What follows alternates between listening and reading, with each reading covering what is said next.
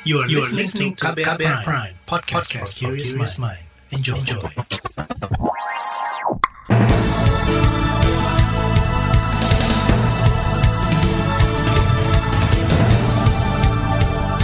Selamat pagi saudara, senang sekali kami bisa menjumpai Anda kembali melalui program Buletin Pagi edisi Jumat 21 Januari 2022. Bersama saya Naomi Liandra. Sejumlah informasi pilihan telah kami siapkan di antaranya Omikron tembus seribuan kasus, PTM 100% harus dikaji ulang. Presiden instruksikan permudah akses kredit permodalan UMKM. Pemerintah siapkan opsi relokasi warga korban gempa Pandeglang, Banten. Inilah Buletin Pagi selengkapnya. Terbaru di Buletin Pagi. Pemerintah melaporkan kenaikan kasus COVID-19 melonjak lima kali lipat dalam tiga pekan terakhir. Kasus positif bertambah dari semula hanya seribuan kasus menjadi lima ribuan kasus. Sementara kasus Omikron di tanah air sudah mencapai lebih dari seribu kasus. Menyikapi hal itu, Wakil Presiden Ma'ruf Amin menegaskan jika penambahan kasus harian terus menunjukkan tren peningkatan, maka pemerintah akan menarik rem dengan memperketat mobilitas termasuk pembelajaran tatap muka atau PTM. Nah, mungkin kita akan lihat beberapa beberapa waktu hari ini, eh, terutama memasuki Februari yang diduga akan terjadi lonjakan. Nah, itu itu akan kita sesuaikan terus. Semua itu kan sesuai dengan tantangan yang kita hadapi. Kalau terjadi meninggi, ya tentu kita perketat. Nah, kalau sudah turun, baru kita longgarkan. Termasuk PTM. Wapres Maruf Amin menambahkan pembatasan PTM akan tergantung pada tingkat penularan di masing-masing daerah. Namun sebagai langkah antisipasi meluasnya penularan Omikron pada anak, pemerintah saat ini akan berfokus pada percepatan vaksinasi anak. Sementara itu, Kementerian Kesehatan menekankan belum ada intervensi pemerintah pusat terhadap pelaksanaan pembelajaran tatap muka atau PTM. Direktur Pencegahan dan Pengendalian Penyakit Tular, Vektor, dan Zoonotik Kemenkes Siti Nadia Tarmizi dalam keterangan tertulis mengatakan vaksinasi akan menurunkan resiko keparahan dan kematian pasien yang terinfeksi Omikron termasuk anak-anak. Wakil Gubernur DKI Jakarta Ahmad Riza Patria membuka opsi untuk menghentikan sementara PTM 100%. Jadi yang terkait PTM ya total ada 43 sekolah. Ya. Dari 43 sekolah itu ya, yang terpapar itu peserta didiknya ada 67, pendidiknya ada dua, tenaga pendidik ada tiga, jadi jumlahnya 70 orang. Wagub DKI Jakarta Ahmad Riza Patria menambahkan hanya 15 sekolah yang tidak melaksanakan PTM akibat ditemukan kasus COVID-19 termasuk varian Omikron. Politisi Gerindra itu menyebut penularan itu terjadi di luar lingkungan sekolah. Berdasarkan data Kemendikbudristek per 19 Januari lalu, hampir 70 persen atau sekira 270 ribu satuan pendidikan menerapkan pembelajaran tatap muka 100 persen, terbatas dengan durasi maksimal pembelajaran 6 jam. Sedangkan 20-an persen atau sekira hampir 100 ribu satuan pendidikan lainnya menerapkan PTM 50 persen. Hanya satu persen yang menerapkan pembelajaran jauh. Salah satu daerah dengan penerapan PTM 100 persen terbanyak berada di DKI Jakarta dengan lebih 10 ribu satuan pendidikan. Wilayah itu juga menjadi penyumbang kasus Omikron tertinggi nasional hingga disebut-sebut sebagai medan perang melawan Omikron. Dewan Perwakilan Rakyat mendorong pemerintah daerah melakukan penyesuaian yang tepat dalam mengimplementasikan surat keputusan bersama atau SKB 4 Menteri tentang pembelajaran tatap muka atau PTM. Terlebih lagi daerah dengan mobilitas tinggi. Anggota Komisi Pendidikan DPR RI dari fraksi PKS, Ledia Hanifa Amalia, mengatakan meski PTM 100% masih diizinkan pada daerah PPKM level 1 dan 2, namun pemerintah daerah berwenang membatasi PTM dengan mempertimbangkan risiko siswa tertular Omikron. Pemerintah daerah nanti harus melihat kondisi-kondisi yang memungkinkan untuk segera diatasi harus seperti apa, yang memutuskan juga. Ini kan sudah mulai berbeda-beda nih masing-masing daerah. Tapi ya berarti masyarakat harus lihat rujukannya ke uh, keputusan dari pemerintah daerah tempat gitu. Tentu kalau daerah yang mobilitas penduduknya sangat tinggi, kayak Jakarta dan Jabodetabek itu kan mobilitasnya tinggi. Nah itu betul-betul harus sangat cermat tuh karena mobilisasi orangnya kadang-kadang tidak bisa dikontrol kan. Anggota DPR RI dari fraksi PKS Lady Hadifa Amalia menambahkan aturan PTM 100% tidak bersifat mutlak. Semisal di Depok, Jawa Barat, meski semula pemerintah setempat ingin menerapkan PTM 100%, tetapi urung dilaksanakan usai kenaikan level PPKM menjadi level 2. Aturan adaptif juga harus diterapkan bagi pembelajaran untuk anak-anak dengan kondisi sangat rentan, semisal komorbid maupun belum divaksin. Epidemiolog menilai kebijakan pembelajaran tatap muka PTM 100% tidak relevan dengan perkembangan COVID-19 di tanah air. Epidemiolog dari Universitas Griffith Australia, Diki Budiman, mengatakan kondisi pandemi COVID-19 di Indonesia sedang mengkhawatirkan karena tingginya kasus positif Omikron COVID-19 dan tren kasus harian yang meningkat. Karena itu, ia tegas meminta pemerintah menghentikan sementara PTM 100% hingga Omikron yang termasuk varian paling cepat menular ini dapat dikendalikan sekolah tatap muka itu memang harus jadi prioritas dan ini kesalahan banyak pemerintah daerah selama ini ya jadi padahal prinsipnya ketika pandemi memburuk sekolah terakhir kan ditutup dan ketika membaik dia harus segera cepat dibuka ini nggak dilakukan selama ini. Sekarang nggak relevan, jangankan 100%, 50% pun beberapa desa terutama di kota misalnya Jakarta, saya nggak melihat itu posisi yang aman. Epidemiolog dari Universitas Griffith Australia, Diki Budiman, memperkirakan puncak kasus Omikron di Indonesia terjadi pada Februari hingga Maret nanti. Karena itu, selama dua bulan ke depan diharapkan ada kebijakan untuk menghentikan sementara PTM 100%. Kata Diki, antisipasi penularan Omikron terhadap anak-anak tidak cukup dengan vaksinasi, melainkan dengan prokes ketat dan penggunaan masker jenis N95.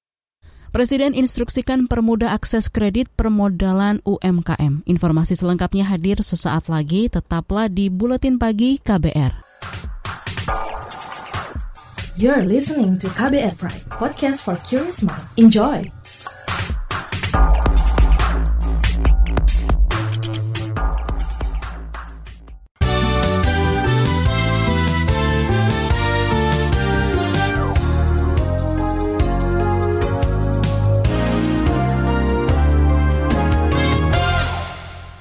Anda sedang mendengarkan Buletin Pagi KBR. Presiden Joko Widodo memerintahkan agar otoritas jasa keuangan OJK dan perbankan mempermudah akses penyaluran kredit bagi pelaku usaha mikro kecil dan menengah UMKM, koperasi dan pelaku usaha informal lainnya dalam memperoleh permodalan. Jokowi mengatakan pemerintah akan mempercepat porsi kredit di sektor UMKM yang ditargetkan mencapai 30 persen pada 2024 mendatang. Tidak boleh lagi ada cerita misalnya akses yang akses kredit yang sulit, akses pembiayaan bagi pelaku usaha di sektor informal yang sulit, UMKM yang kesulitan mengakses permodalan, kooperasi yang sulit mengakses permodalan, ini harus bisa kita permudah dan kita, bisa kita percepat sehingga memberikan peluang yang lebih besar bagi generasi muda yang memulai usaha dan juga UMKM untuk mengembangkan usaha atau memperbesar skala usahanya. Presiden Joko Widodo mengingatkan saat ini hampir 100 persen pelaku usaha Indonesia merupakan usaha mikro kecil menengah. Namun meski jumlahnya besar, ia menyayangkan sampai saat ini porsi kredit dari perbankan kepada UMKM masih berada di kisaran 20 persen. Kepala negara menargetkan porsi kredit UMKM di perbankan bisa mencapai 30 persen pada tahun 2024 mendatang. Satgas Bantuan Likuiditas Bank Indonesia kembali menyita aset milik grup Texmaco. Ketua Dewan Pengarah Satgas BLBI Mahfud MD menjelaskan penyitaan aset dilakukan terhadap lebih 150 bidang tanah yang ada di enam kota dan kabupaten. Diperkirakan jumlah aset yang disita bernilai hampir 2 triliun rupiah. Selama tujuh bulan, Satgas bertugas penyitaan aset milik grup Texmaco itu sudah dilakukan dua kali. Sejumlah 159 bidang tanah yang berlokasi di Kota Tangerang, Kota Semarang, Kabupaten Karawang, Kabupaten Pemalang, Kabupaten Kendal, dan Kabupaten Batang dengan total luas tanah sebesar 1,9 juta meter persegi. Ketua Dewan Pengarah Satgas BLBI Mahfud MD menambahkan pada akhir bulan lalu Satgas BLBI juga menyita hampir 600 bidang tanah yang merupakan jaminan kredit milik grup Texmaco. Total lahan itu seluas hampir 5 juta meter persegi dan terletak di lima kabupaten kota meliputi area Jawa Barat yakni Subang, Sukabumi hingga Padang, Sumatera Barat. Sampai saat ini Satgas BLBI sudah menyita aset senilai lebih 5 triliun rupiah dari grup Texmaco milik konglomerat Marimutu Sinivasan. Kementerian Pendayagunaan Aparatur Negara dan Reformasi Birokrasi RI mencatat ada pemecatan ASN tiap bulannya karena terpapar radikalisme dan terorisme. Menteri Pendayagunaan Aparatur Negara dan Reformasi Birokrasi RI Menpan RB Cahyokumolo mengatakan keterlibatan dengan terorisme juga memapar keluarga ASN tersebut. Menurutnya terorisme merupakan ancaman bangsa sehingga harus ada sikap tegas dari pemerintah. Sedih ya, tiap bulan saya memberikan sanksi kan SK Menpan RB dan BKN. Satu, ASN yang terlibat radikalisme non-job dibina. Tapi kalau sudah terlibat teroris, sudah ada pembuktian dari kepolisian, dari Densus, cap, sudah. Tapi kalau terpapar radikalisme, langsung. Tiap bulan rata-rata hampir 10 loh. Non-job. Non-job sama yang diberhentikan. Menteri Pendayagunaan Aparatur Negara dan Reformasi Birokrasi RI Menpan RB Cahyo Komulo menambahkan, guna mengantisipasi radikalisme dan terorisme di lembaga pemerintahan, ia menginstruksikan pemerintah daerah untuk gencarkan penyuluhan. Jika dibandingkan dengan data tahun lalu, Menteri Cahyo mencatat ada pemecatan terhadap 40-an ASN tiap bulannya karena terbukti terlibat dalam terorisme. Komisi Pemberantasan Korupsi KPK menetapkan Hakim Pengadilan Negeri Surabaya, Jawa Timur nonaktif Itong Isnaini Hidayat sebagai tersangka. Itong menambah rentetan panjang hakim yang dicokok lembaga anti rasuah. Itong diduga terlibat dalam kasus penanganan perkara di Pengadilan Negeri Surabaya. Wakil Ketua KPK Nawawi Pomolango mengatakan tersangka Itong diduga menerima suap dari pengacara dan kuasa dari PT Soyu Giri Primideka. Adapun jumlah uang yang berhasil diamankan sebesar 140 juta sebagai tanda jadi awal bahwa IH nantinya akan memenuhi keinginan HK terkait permohonan pembubaran PT SKP. KPK kemudian melakukan penyelidikan dan ditemukan adanya bukti permulaan yang cukup, maka KPK meningkatkan status perkara ini ke tahap penyidikan dengan mengumumkan tersangka sebagai berikut. Sebagai pemberi, HK. Sebagai penerima, HD. Dan IIH. Wakil Ketua KPK Nawawi Pomulango menambahkan dua tersangka lain dalam kasus ini adalah Hendro Kasino selaku pemberi dan panitera pengganti pada Pengadilan Negeri Surabaya. Hamdan selaku penerima. Diduga uang yang disiapkan untuk mengurus perkara ini sekitar 1,3 miliar rupiah. Kepolisian membentuk tim monitoring atau pemantauan sebagai tindak lanjut kebijakan minyak goreng satu harga yang dikeluarkan oleh pemerintah. Juri bicara Mabes Polri Ahmad Ramadan dikutip dari Antara mengatakan pemantauan yang dilakukan meliputi kegiatan produksi, distribusi, hingga penjualan minyak goreng. Menurut Ramadan, tim pemantau juga bertugas mencegah terjadi panik buying atau aksi borong oleh masyarakat dengan melakukan penindakan di lapangan. Polri juga akan berkoordinasi dengan Kementerian Perdagangan RI dan Dinas Perdagangan tingkat provinsi, kota, dan kabupaten untuk mengeluarkan peraturan pelaksanaan atau teknis penjualan minyak goreng satu harga Rp14.000 rupiah per liter. Upaya pembatasan ini dilakukan guna mengantisipasi adanya penimbunan. Ia menegaskan setiap orang yang melakukan penimbunan dapat diancam pidana 5 tahun penjara atau denda 50 miliar rupiah. Sebelumnya, pemerintah berkomitmen memenuhi kebutuhan pangan masyarakat dengan harga terjangkau. Salah satunya menetapkan kebijakan satu harga minyak goreng setara Rp14.000 per liter yang dimulai per 19 Januari 2022. Kebijakan tersebut dalam rangka mengatasi tingginya harga minyak goreng serta upaya lanjutan untuk menjamin ketersediaan minyak goreng dengan harga terjangkau. Kita ke informasi mancanegara. Kementerian Luar Negeri Kemlu memastikan enam orang warga negara Indonesia di Tonga dalam kondisi selamat dan aman. Direktur Perlindungan WNI Juda Nugraha mengatakan Kementerian Luar Negeri telah berhasil melakukan kontak dengan keenam WNI tersebut. Upaya ini dilakukan melalui kerjasama KBRI Wellington dengan High Commission di New Zealand. Dari keenam orang WNI tersebut, tiga orang berprofesi sebagai ABK, satu menetap di sana dan menjadi penghubung KBRI, dua lainnya belum diketahui profesinya. Kemlu juga menyebutkan akan memberikan bantuan terhadap WNI terdampak tsunami di Tonga.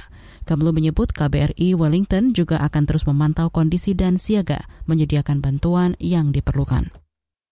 Sebelumnya diberitakan Tonga dilanda tsunami setelah gunung api bawah laut meletus. Akibat bencana tersebut, jaringan telepon dan internet di sebagian besar wilayah Tonga terputus. Beralih ke informasi olahraga. Pelatih Ansan Greeners Cho Min Cook optimistis Asnawi Mangkualam berpotensi menjadi bintang di Liga Korea Selatan alias K-League. Cho Min Kook menyebut Asnawi berpeluang untuk jadi pemain bagus di Liga Korea. Karena itu ia berharap pendukung Asnawi di Indonesia tidak terlalu banyak mengkhawatirkannya. Ia menyebut Panah mengalami kondisi seperti Asnawi, yakni merantau ke luar negeri dan menghadapi perbedaan budaya dan makanan. Asnawi menjalani musim keduanya di Ansan Greeners usai kontraknya diperpanjang. Ia bakal ditempatkan pada posisi lebih ke depan dibanding posisi sebelumnya. Sementara itu, Egi Maulana Fikri resmi memperpanjang kontrak dengan FK Senika.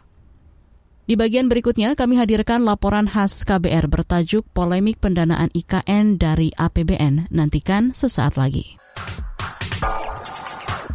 You're listening to KBR Pride, podcast for curious mind. Enjoy!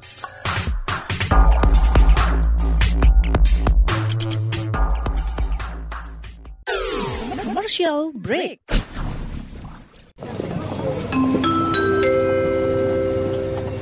Mohon perhatian. Panggilan terakhir penumpang Trending Air dengan nomor penerbangan WT0101 dipersilakan segera mendengarkan podcast What's Trending melalui Spotify. Karena podcast What's Trending sekarang ada di playlist teman perjalananmu. Selamat menikmati. Terima kasih.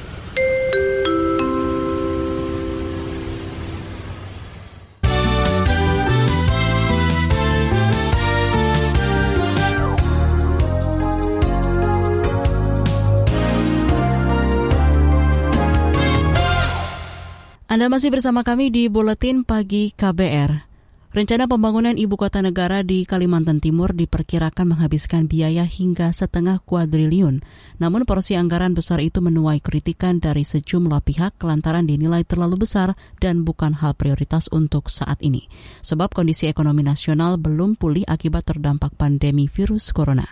Lalu bagaimana dan dari mana dana pembangunan ibu kota diperoleh? Selengkapnya simak laporan khas KBR disusun jurnalis Reski Novianto. Pemerintah bakal memindahkan ibu kota negara IKN dari Jakarta ke Kalimantan Timur. Kepastian itu didapat setelah DPR mengesahkan rancangan undang-undang ibu kota negara dalam rapat paripurna Selasa pekan ini. Sebelum pengesahan bele tersebut, Presiden Joko Widodo pernah menyampaikan niatnya memindahkan ibu kota negara pada sidang tahunan Majelis Permusyawaratan Rakyat MPR pada 2019. Saat itu kepala negara berjanji akan seminimal mungkin menggunakan APBN dalam proyek IKN. Dukungan pendanaan bagi pemindahan ibu kota akan sekecil mungkin menggunakan APBN. Kita dorong partisipasi swasta, partisipasi BUMN, maupun skema kerjasama pemerintah, badan usaha atau KPBU. Menteri Perencanaan Pembangunan Nasional sekaligus Kepala Badan Perencanaan Pembangunan Nasional Bappenas Suharso Manoarfa mengklaim pembangunan disusun dengan perencanaan matang dan dapat dipertanggungjawabkan. Semula pemerintah akan mengalokasikan 19 persen APBN untuk IKN, namun dalam laman resmi IKN disebutkan alokasi APBN mencapai 53 persen, sisanya dari BUMN dan swasta. Tak lama setelah besaran anggaran itu beredar, informasi tersebut dihapus dari laman IKN. Menteri Soeharto berdalih porsi 53 persen dari APBN yang sempat tercantum di laman resmi IKN merupakan anggaran pembangunan yang sudah berlangsung sejak 2021. Dan skema pembiayaan ini pemerintah akan mengikuti uh, bisnis model dan financial model yang tidak merugikan APBN. Kita akan memaksimalisasi uh, kekayaan negara justru untuk membuat kita menjadi lebih punya aset yang lebih banyak lagi. Kita juga menghindari pembiayaan-pembiayaan utang jangka panjang. Sementara itu, Ketua Panitia Khusus RUU IKN Ahmad Doli Kurnia mengklaim Penyusunan RUU telah dilakukan secara menyeluruh oleh pemerintah dan DPR, termasuk soal anggaran. Politikus Partai Golkar itu meyakini pembangunan IKN tidak akan membebani APBN seperti yang dikhawatirkan sejumlah pihak. Kami mengikuti perkembangan informasi karena sejak awal kami juga pesan ya, agar pelaksanaan pemindahan ibu kota negara ini tidak terlalu membebani APBN. Nah oleh karena itu, karena untuk tidak terlalu membebani APBN, maka kemudian harus dicari skema-skema lain. Ada kerjasama dengan pihak swasta, terus kemudian ya fund internasional, investor dan macam-macam. Namun kalangan DPR tidak satu suara. Anggota Pansus RUU IKN dari PKS Hamid Nur Yasin menyebut keuangan negara akan terbebani dengan adanya rencana pembangunan tersebut. Karena itu, fraksi PKS tegas menolak pemindahan ibu kota posisi utang pemerintah per akhir Oktober 2021 sebesar 6.687,28 triliun rupiah. Sedangkan kebutuhan anggaran untuk IKN diperkirakan kurang lebih sekitar 466 triliun. Oleh sebab itu, fraksi PKS melihat pemindahan ibu kota negara di saat seperti sekarang ini sangat membebani keuangan negara. Hal senada juga disampaikan oleh ekonom. Direktur Eksekutif Lembaga Kajian Ekonomi Indef, Tauhid Ahmad menyebut, dampak ekonomi pembangunan IKN sangat kecil dan tak sebanding dengan anggaran yang digelontorkan. Sumber dana IKN 53 persen dari APBN itu sama aja mengurangi formulasi ataupun ekspansi fiskal untuk program-program rutin. Dia menilai perencanaan anggaran pembangunan ibu kota negara tidak matang dan terkesan dipaksakan. Artinya ketika katakanlah tadinya sektor swasta, sektor swasta melihat ini ada peluang tetapi melihat ternyata swasta banyak yang balik badan ataupun pihak-pihak yang berinvestasi pada balik badan uh, diputuskan melalui APBN karena tidak ada yang berminat. Yang minatnya kecil sekali begitu. Akhirnya disom tambal sulam menggunakan APBN. Dominasi APBN menunjukkan proyek pemerintah itu tidak layak investasi. Secara finansial sangat merugikan. Pada tahap awal yakni mulai 2022 hingga 2024 akan dibangun infrastruktur utama IKN meliputi istana kepresidenan, gedung MPR DPR, dan perumahan. Setelah beroperasinya infrastruktur dasar, sekira 500 ribu penduduk yang terdiri dari ASN akan pindah ke sana. Presiden Jokowi berkeinginan untuk merayakan HUT ke-79 RI di ibu kota negara yang baru pada 17 Agustus 2024. Laporan ini disusun Reski Novianto. Saya Fitri Anggreni. Informasi dari berbagai daerah akan hadir usai jeda. Tetaplah bersama Buletin Pagi KBR. You're listening to KBR Pride, podcast for curious mind. Enjoy!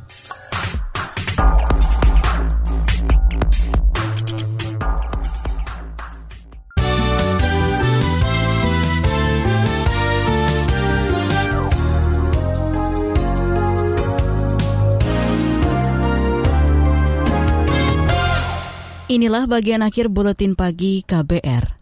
Pemerintah berencana merelokasi rumah warga yang rusak parah akibat gempa yang mengguncang wilayah Pandeglang, Banten.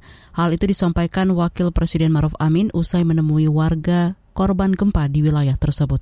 Maruf Amin mengatakan opsi relokasi dipilih lantaran beberapa rumah yang terdampak parah berada di jalur merah atau beresiko tinggi terdampak gempa. Memikirkan karena daerah ini daerah apa ya Megatron jadi jalur merah. Sekarang sedang dipikirkan apakah tidak sebaiknya dilakukan relokasi ini supaya tidak terus-menerus terjadi. Wakil Presiden Maruf Amin mengatakan dari keterangan warga tidak ada yang keberatan jika rumah mereka dipindahkan.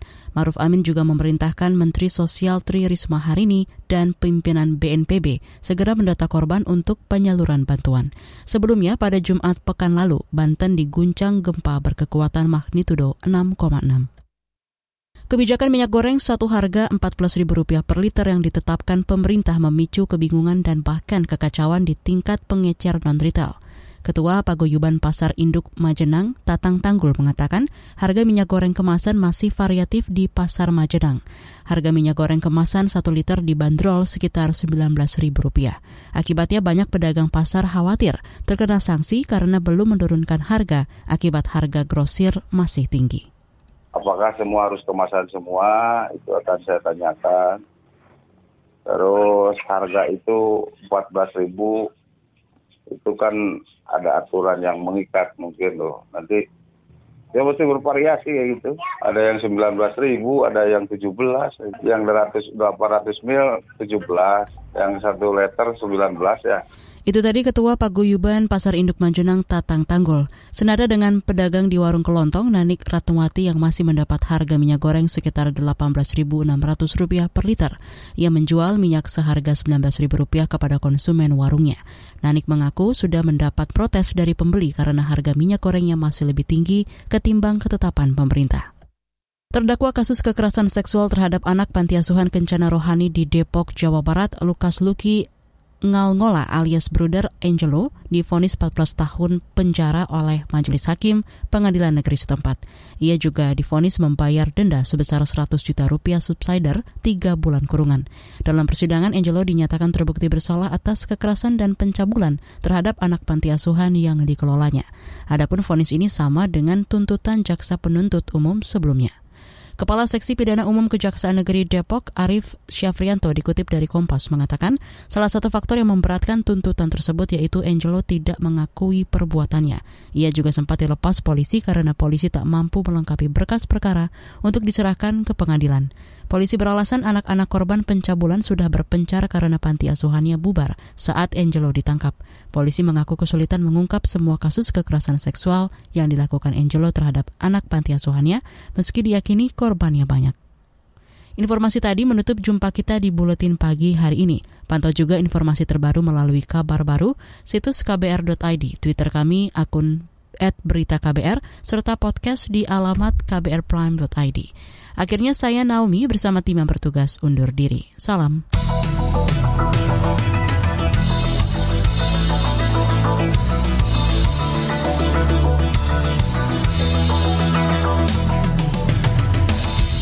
KBR Prime, cara asik mendengar berita. KBR Prime, podcast for curious mind.